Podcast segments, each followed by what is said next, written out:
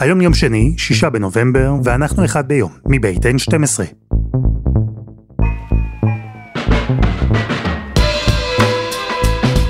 אני אלעד שמחיוף ואנחנו כאן כדי להבין טוב יותר מה קורה סביבנו, סיפור אחד ביום, בכל יום.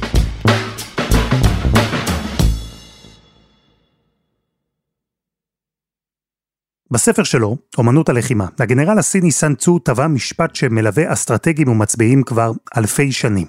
שמור את החברים שלך קרוב, אבל את האויבים שלך שמור קרוב יותר. ישראל נמצאת עכשיו במלחמה, ובאופן טבעי בתקופה כזו אנחנו שומרים את האויבים שלנו קרוב יותר. מסתכלים מקרוב על עזה, על נסראללה ולבנון, על איראן. אנחנו מסתכלים מקרוב על מה שאומרים ומה שעושים בכירי חמאס בקטאר. מסתכלים מקרוב אפילו על החות'ים בתימן. אבל סן צו לא אמר שצריך להסתכל מקרוב על האויבים ולהרחיק את החברים. גם אותם הוא אמר שווה לשמור קרוב. ובעניין הזה שווה מאוד להסתכל גם על מה שקורה עכשיו אצל בעלות הברית שלנו, המדינות הערביות המתונות, אלו שמנהלות קשרים עם ישראל, אלו שהמלחמה בעזה עלולה להוביל אותן למצבים מורכבים שישפיעו מאוד גם עלינו.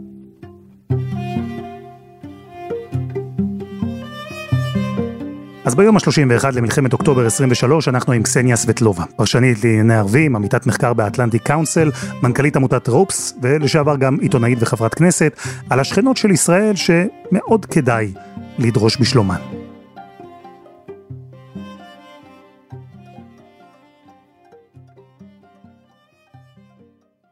קסניה, שלום. שלום אלעד.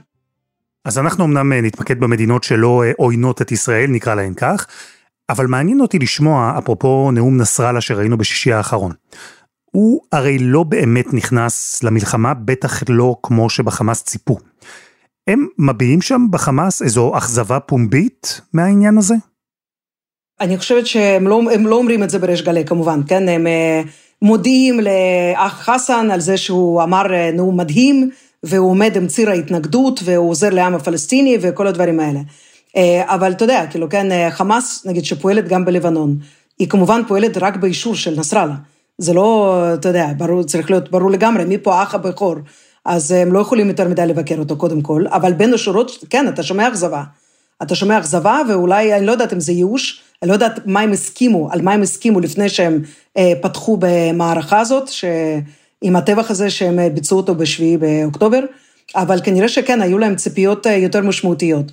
וככה גם הם אה, פונים מדי יום כמעט לעמים ערביים, לאומה הערבית והאסלאמית הדגולה. תתייצבו לימיננו, תצאו מהבתים שלכם.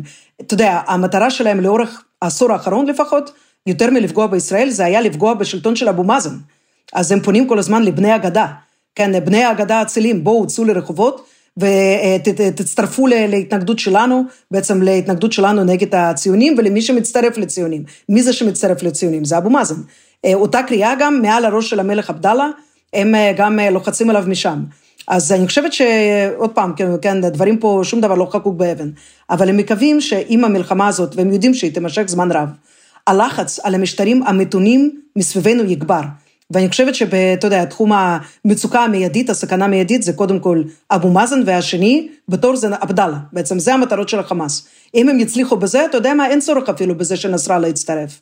כי אז אנחנו בעצם פותחים חזית חדשה פה במזרח, כן? שאנחנו כל הזמן אומרים מלחמה רב-מערכתית, רב-חזיתית. איזו, איזו חזית כרגע שקטה?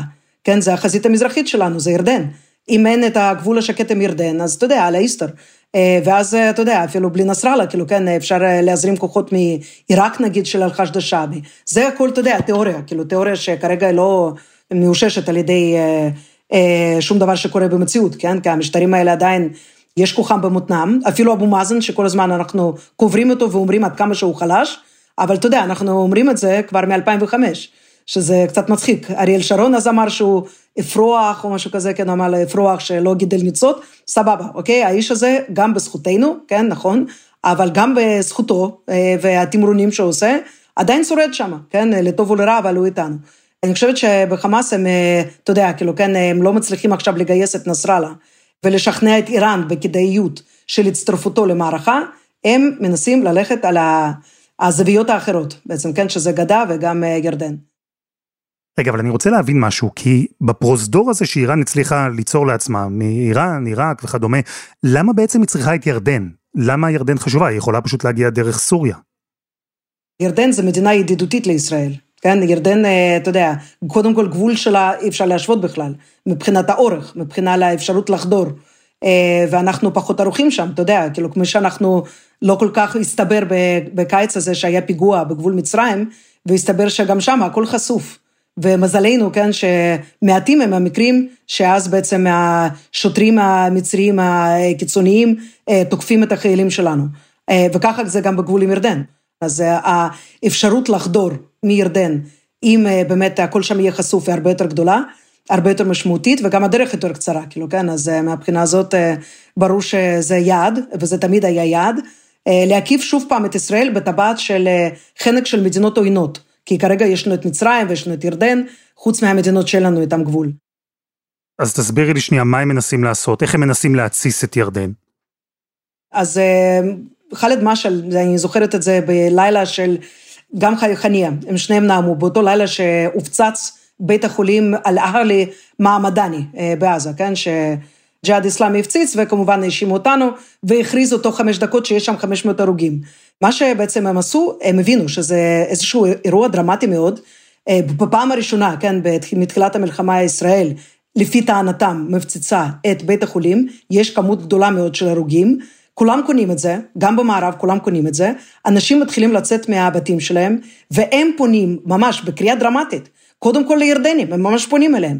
בני העם שלנו שנמצאים בירדן, אומרים, תצאו, תצאו לרחובות, תצעדו לגבול, תגיעו, תצטרפו אלינו בעצם, כן, כיוון שיש שם אוכלוסייה פלסטינית. 60-65 אחוז, כן, אף אחד לא יודע בדיוק. אז, אז זו קריאה בעצם גם שהיא מופנית נגד המלך עצמו. ויצאו המונים, ראינו את ההתעמתות אה, ליד שגרירות ישראלית שלמזלנו פונתה, אה, בין ההמון, המוסד, אה, לבין השוטרים הירדנים שניסו להדוף אותם והיו כאלה שנפגעו גם, וזה היה בכל עיר גדולה בירדן.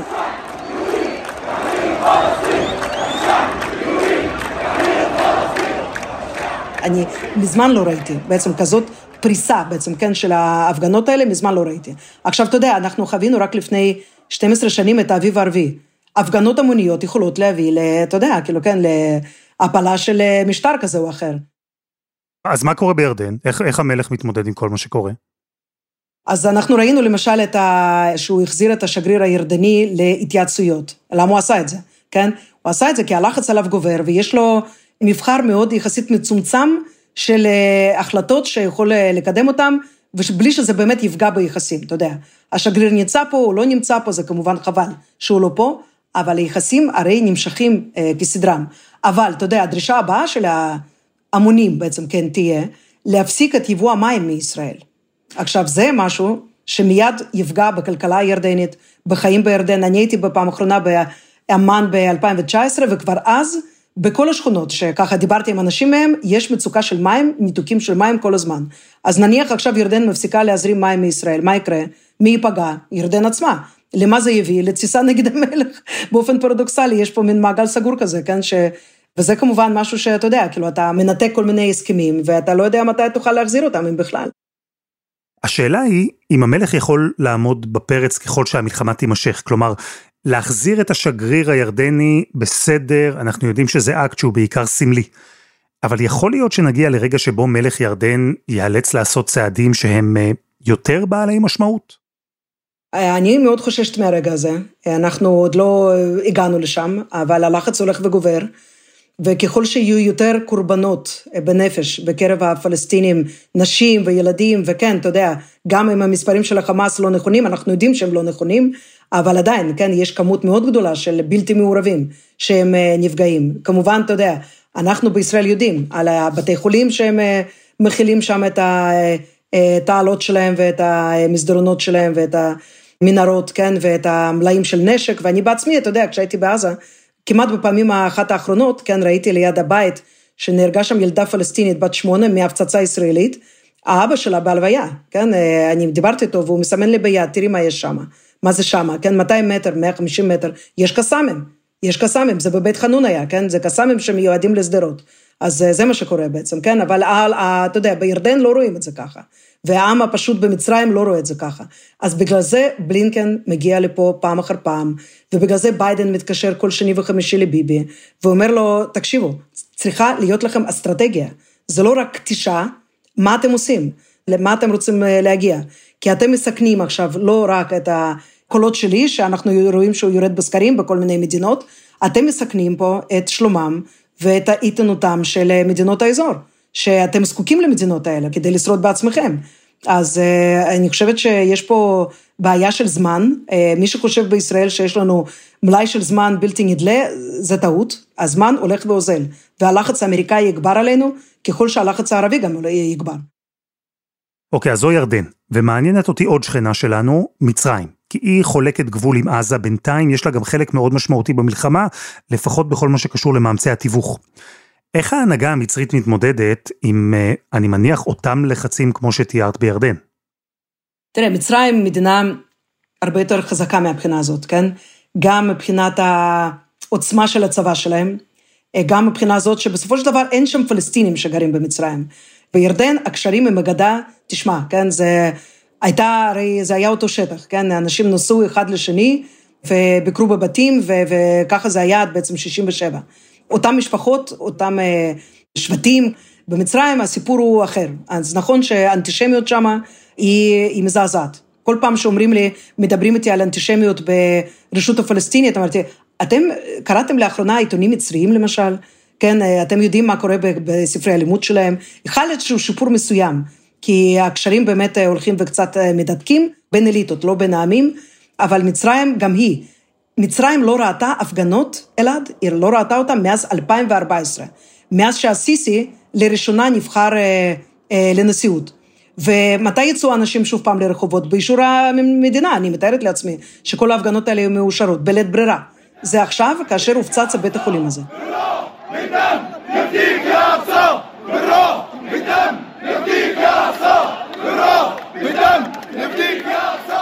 אז אתה יודע, עוד פגיעה בבית חולים.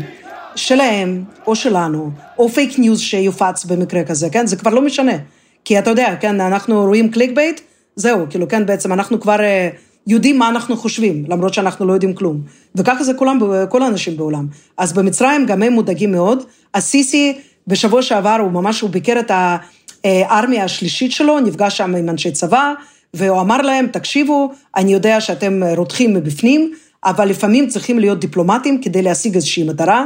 אנחנו כן רוצים לעזור לפלסטינאים, אנחנו נקים בתי חולים שדה, אנחנו נאמץ אותם, אנחנו נעזור להם. בקיצור, מנסה בעצם להסביר שלא כדאי עכשיו ללכת על הגדרות ולנתק יחסים, ולמשל להפסיק את הזרמת הגז הישראלי, דבר קריטי למצרים היום, כמו שלירדנים זה המים, אז אה, למצרים אה, מה שחשוב זה שימשיך אה, הגז הישראלי, כן, לזרום דרך הצנרת. אז הם גם, הסבך האינטרסים הזה, שמצד אחד יש פה איזושהי תלות, יש פה רצון לשמר את היחסים האלה וגם לפתח אותם, וזה מה שקרה בשנים האחרונות. ומצד שני, יש המונים שלא מוכנים, אתה יודע, לשמוע את התירוצים האלה. הם רואים את מה שהם רואים בטיק טוק ובאינסטגרם, וכאלה שהם רואים את אל-ג'זירה, אז באל-ג'זירה, וזה מספיק לגמרי, כן? הם מבחינתם, רואים, ואתה יודע, יש פה גם תפקיד מאוד משמעותי, כמובן לאופוזיציה האסלאמית. אה, אז הסיסי, אנחנו יודעים, הוא, אה, אה, הייתה שם התקוממות עממית שנתמכה על ידי הצבא, והם הפילו את האחים המוסלמים, אבל לא לעולם כוח, אתה יודע. האחים המוסלמים זה כמו חמאס רעיון, הם לא נמחקו, הם מחכים לשעת כושר שלהם, וברגעים כאלה של משבר, כאשר ישראל עושה שוב משהו שזה נתפס כמשהו שהוא בלתי אנושי וג'נוסייד וכל ההאשמות האלה שאנחנו שומעים, הם מזהים בזה שעת כושר לפעול נגד המשטרים הערבים המתונים. זאת הסכנה הגדולה.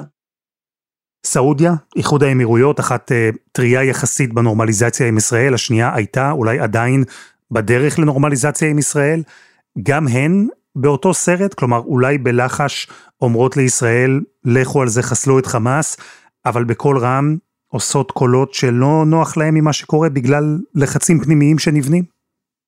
קודם כל, שתי המדינות האלה גינו בפה מלא את חמאס. זה, חייבים להגיד את זה, כן? וזה דבר אמיץ, כאשר אה, הרחוב הערבי, אנחנו רואים את זה, כן? רואים את זה ברשתות, אנחנו רואים את זה ברחובות עצמם, בכיכרות, הוא לגמרי בצד הפלסטיני, והוא גם בצד של החמאס. אז, אז זה מבחינתם, קודם כל הם כמובן תקפו את ישראל על זה שהיא פוגעת באוכלוסייה, אבל הם גם תקפו בצורה חריפה ביותר את החמאס, והם לא מסתירים את סלידתם מהחמאס. אתה יודע, אני רואה נגיד כל מיני מומחים מטעם, שהם לא מומחים עצמאיים הרי, כן? הם אומרים את מה שהם אומרים כי מותר להם להגיד את זה. כי כן, יש צנזורה ויש בדיקה מאוד קפדנית, כן? מה אנשים אומרים ומה הם, איך הם מתבטאים. ואתה פתאום רואה ברשת כל מיני מומחים צבאיים, כל מיני גנרלים, שהיו כמובן בשר מבשרה של המערכת השלטונית שמה, אומרים, חמאס, מה שהיא עושה עכשיו, היא לא עושה את זה למען הפלסטינים, היא עושה את זה למען איראן. בעצם כן, הם מנסים להסביר לעם שלהם בפנים, שגם כמובן יש אהדה מאוד גדולה לפלסטינים, גם אם באופן אה, יומיומי הם כבר ככה פחות היו אה, מעודכנים, פחות עקבו, עכשיו פתאום כן, עכשיו זה פתאום מאוד חשוב.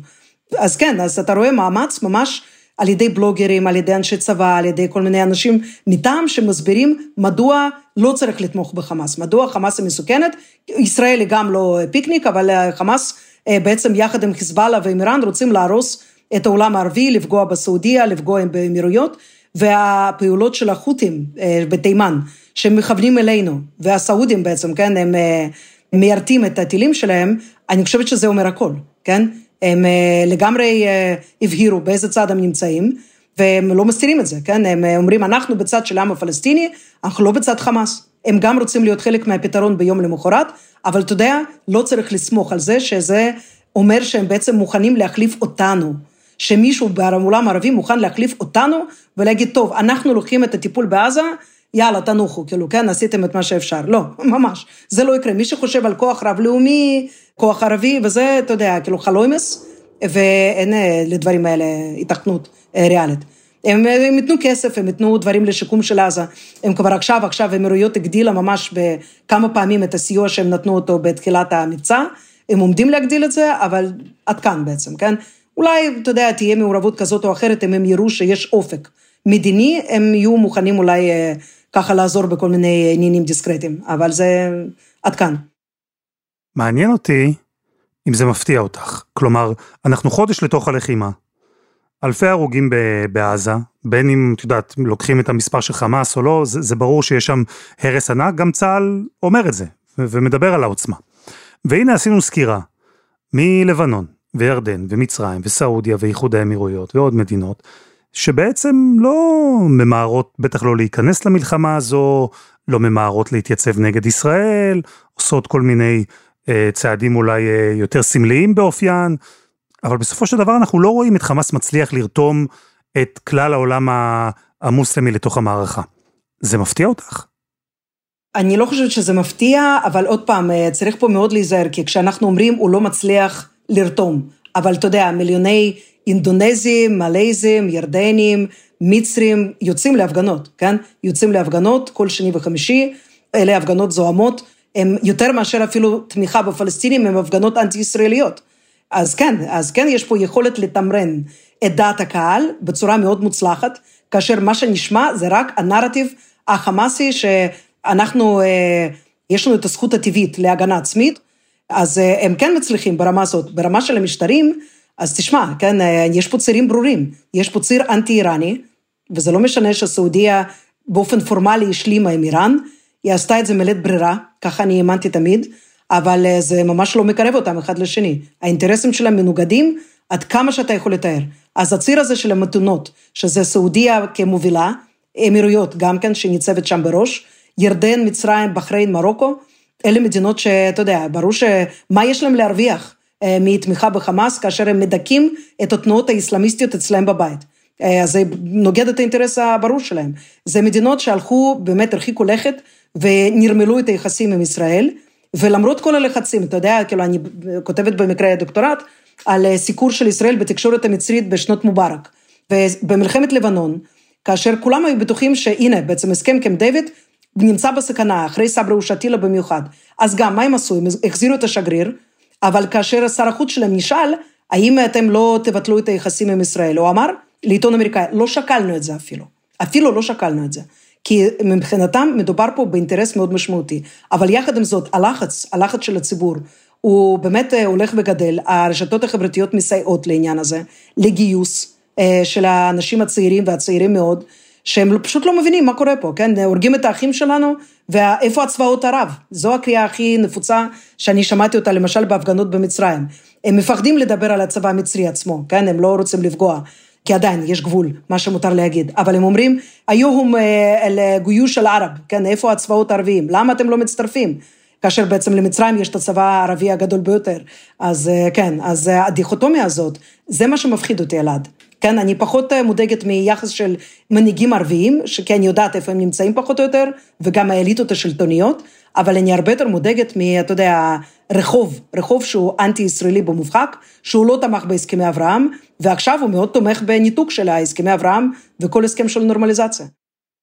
בעצם הצעד הבא של מה שאת אומרת, זה ככל שיעבור הזמן ומספיקה פצצה אחת לא במקום הנכון, והרחוב הזה יכול גם להשפיע על ההנהגה. החשש הוא שכן, אה, שבמיוחד במדינות שהן יותר אה, ככה חלשות וגם לא פופולריות, אתה מסתכל על ירדן, אז שוב פעם, אתה רואה שהייתה שם תסיסה מאוד משמעותית בשנים האחרונות. גם אה, היו כל מיני קרבות בבית המלוכה שלהם, וגם היו הפגנות בגלל הזנחה בטיפול הרפואי ובעיות בבתי חולים, דברים שלא קשורים לישראל, אבל הם כן קשורים לזה שהאהדה לבית המלוכה באופן כללי היא בנסיגה. והבית המלוכה הוא זה שבעצם הביא את ההסכם הזה של ואדי ערבה, אז uh, אתה עושה אחד ועוד אחד. במי צריך לטפל פה? צריך לטפל פה בישראל וגם בשותפים שלהם באזור, במיוחד שחמאס מקדם את התזה הזאת. אז שוב פעם, כן, אנחנו, אנחנו עדיין לא שם, אבל כאשר אנחנו בכלל לא יודעים עליו, כמה זמן תימשך המלחמה הזאת? מה היעד הסופי שלה? מתי enough is enough? מה יקרה עכשיו עם דרום הרצועה? אז יש פה הרבה נעלמים במשוואה הזאת, ולכן אני אומרת שכדאי פה, כמו שלא כדאי לעולם לזלזל באויב, לזלזל ביכולתיו ובתושייה שלו, אסור גם עכשיו לזלזל. אה, ההשפעה הזאת, שזה כמו, אתה יודע, אבן שאתה זורק למים, ויש את המעגלים. המעגלים האלה יכולים להיות מאוד בעייתיים ופוגעניים. הנה, והוספת עוד דילמה ישראלית שלא כך חושבים עליה, בתוך המלחמה הזאת. אני מצטערת, כן, אה, אתה יודע, מצטערת לבאס, אבל אה, מצד שני, אתה יודע, צריכים לתת את הדעת על הדברים האלה.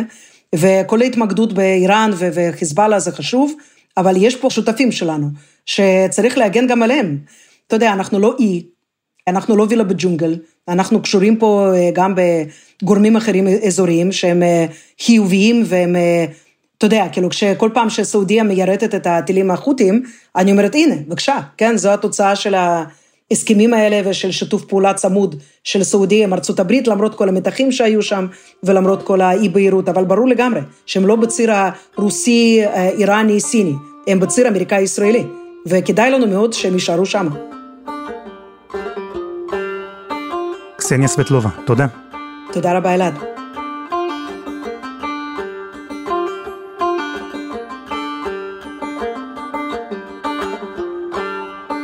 וזה היה אחד ביום, של N12. אנחנו מחכים לכם בקבוצה שלנו בפייסבוק, חפשו אחד ביום, הפודקאסט היומי. העורך שלנו הוא רום אטיק, תחקיר והפקה, עדי חצרוני, שירה הראל, רוני ארני ודני נודלמן. על הסאונד יאיר בשן שגם יצר את מוזיקת הפתיחה שלנו, אני אלעד שמחיוף, אנחנו נהיה כאן גם מחר.